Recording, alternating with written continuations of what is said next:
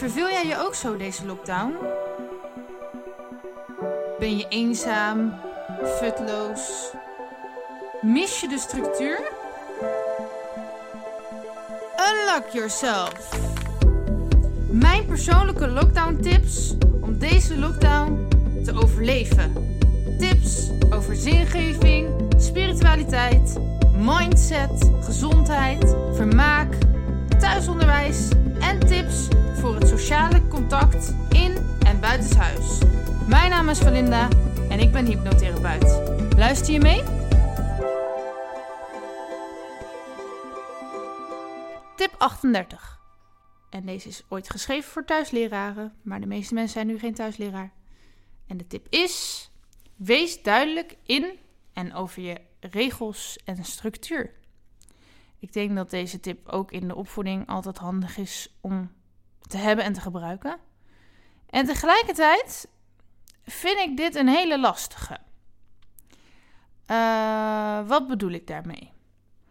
Nou, van nature ben ik iemand die best oordeelloos is, houdt van creativiteit en van dingen die spontaan ontstaan.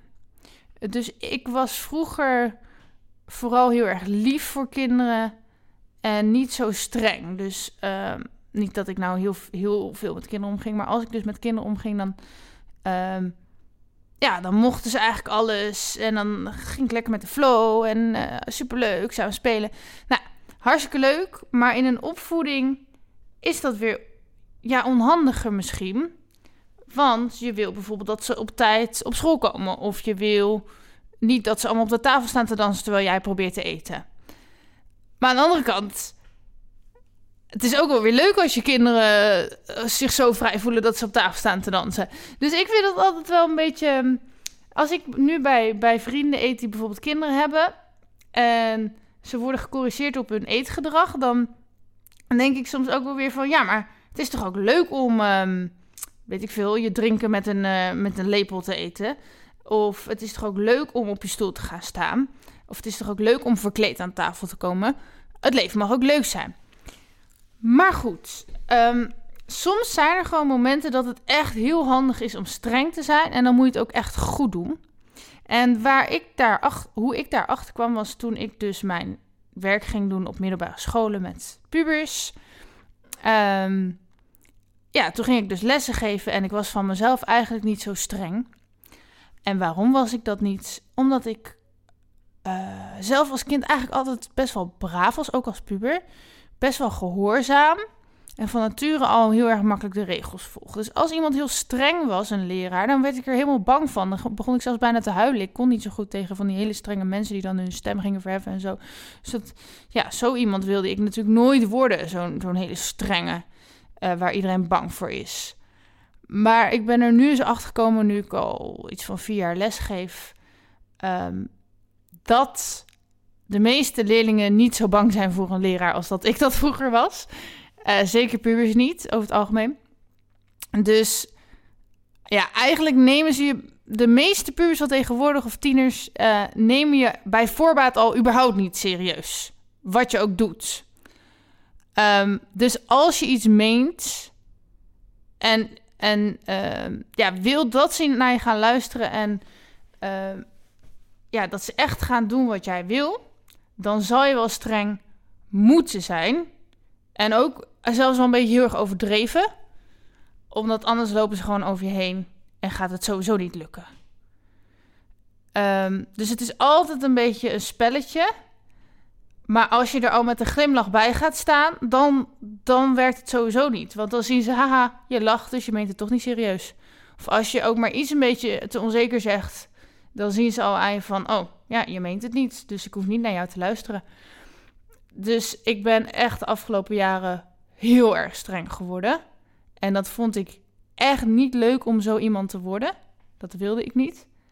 Um, maar nu ik het ben, merk ik dus dat de meeste leerlingen het eigenlijk heel fijn vinden om een om hele duidelijke, ja, vooral duidelijkheid vinden ze fijn. Dat ze weten waar ze aan toe zijn, wat er wanneer gaat gebeuren, waar ze op kunnen bouwen. Ze worden echt rustiger van duidelijkheid. Dat is het vooral. Ehm, en als je dan eenmaal die duidelijkheid en die structuur hebt, dus die strengheid, ehm, dan kan je daarna ook grapjes maken, creatief doen, gek dolle, weet ik veel wat. Dat kan allemaal nadat je die structuur hebt. Maar als je die nog niet hebt, als je dan probeert grapjes te maken of te dolle of gek te doen, dan wordt het eigenlijk gelijk al een chaos die je nooit meer opgelost krijgt. Dus als je met kinderen werkt of kinderen opvoedt, begin altijd met die hele strenge en duidelijke structuur. Tenminste, ehm, ja, daar moet je echt op gaan bouwen. En dan kan je later nog wel gekke verkleeddagjes houden of um, uh, vandaag geen tafelmanierendag of weet ik veel wat. Maar als je niet duidelijk begint, is er een en al dol voor die kinderen en voor pubers en voor iedereen. En ja, dat krijg je gewoon heel moeilijk weer rustig. Dat, dat iets herstellen wat al chaos is, gewoon veel moeilijker dan dat je gestructureerd en duidelijk begint vanaf het begin. En dan af en toe eens een uitstapje maakt naar gekheid.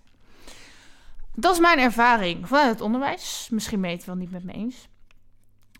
Um, ja, dus als jij bijvoorbeeld iets gaat organiseren in huis of waar dan ook, uh, jij bent de leider. Jij bepaalt de spelregels van het spel. Wees duidelijk over wat er gaat gebeuren en wanneer het gaat gebeuren. Want mensen die duidelijk zijn, die bieden veiligheid. Duidelijkheid zorgt voor veiligheid.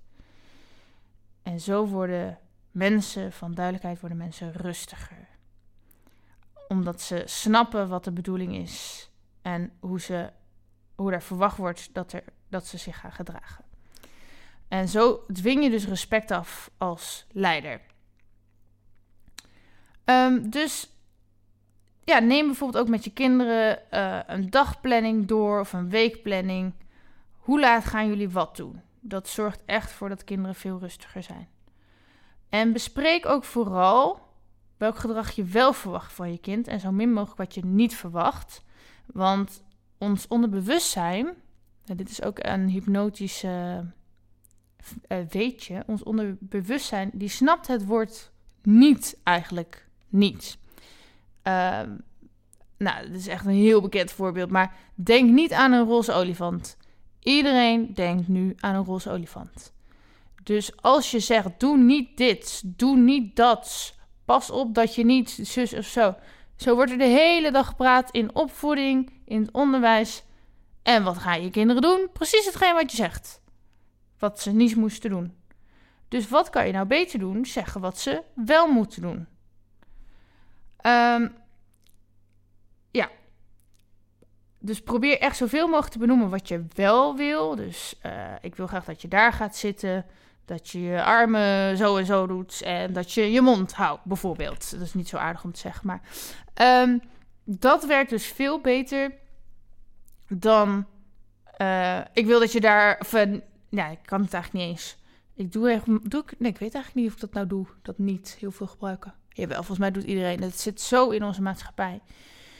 Um, oh ja, maar soms kan je gewoon niet anders dan zeggen dat iets echt niet mag, omdat je dan Ehm, heel moeilijk kan zeggen wat het tegenovergestelde gedrag is. Maar probeer dat dus zoveel mogelijk te beperken. En als het dan toch iets nodig is om echt te benoemen dat het niet mag, leg dan ook heel duidelijk uit waarom het niet mag. Ehm, want als mens of kinderen, maar ook mensen, hè, dus dit gaat ook over leiderschap in bedrijven of weet ik veel waar. Als mensen begrijpen waarom ze iets niet mogen, dan zullen ze ook eerder daarnaar luisteren dan als jij alleen maar zegt dat het niet mag. Want alles wat niet mag, dat is leuk. Um, en iemand die dus iets begrijpt, die gaat van nature makkelijker meewerken. Dit was mijn tip voor thuisleraren, maar eigenlijk gewoon voor iedereen die leider is van een groep. Vooral een groep kinderen of jongeren, maar ook in het bedrijfsleven of waar dan ook. Telt dit als je leider bent. Wees heel erg duidelijk over je regels en structuur. Meer weten? Ga naar walinda.nl of volg mij op Facebook Doei!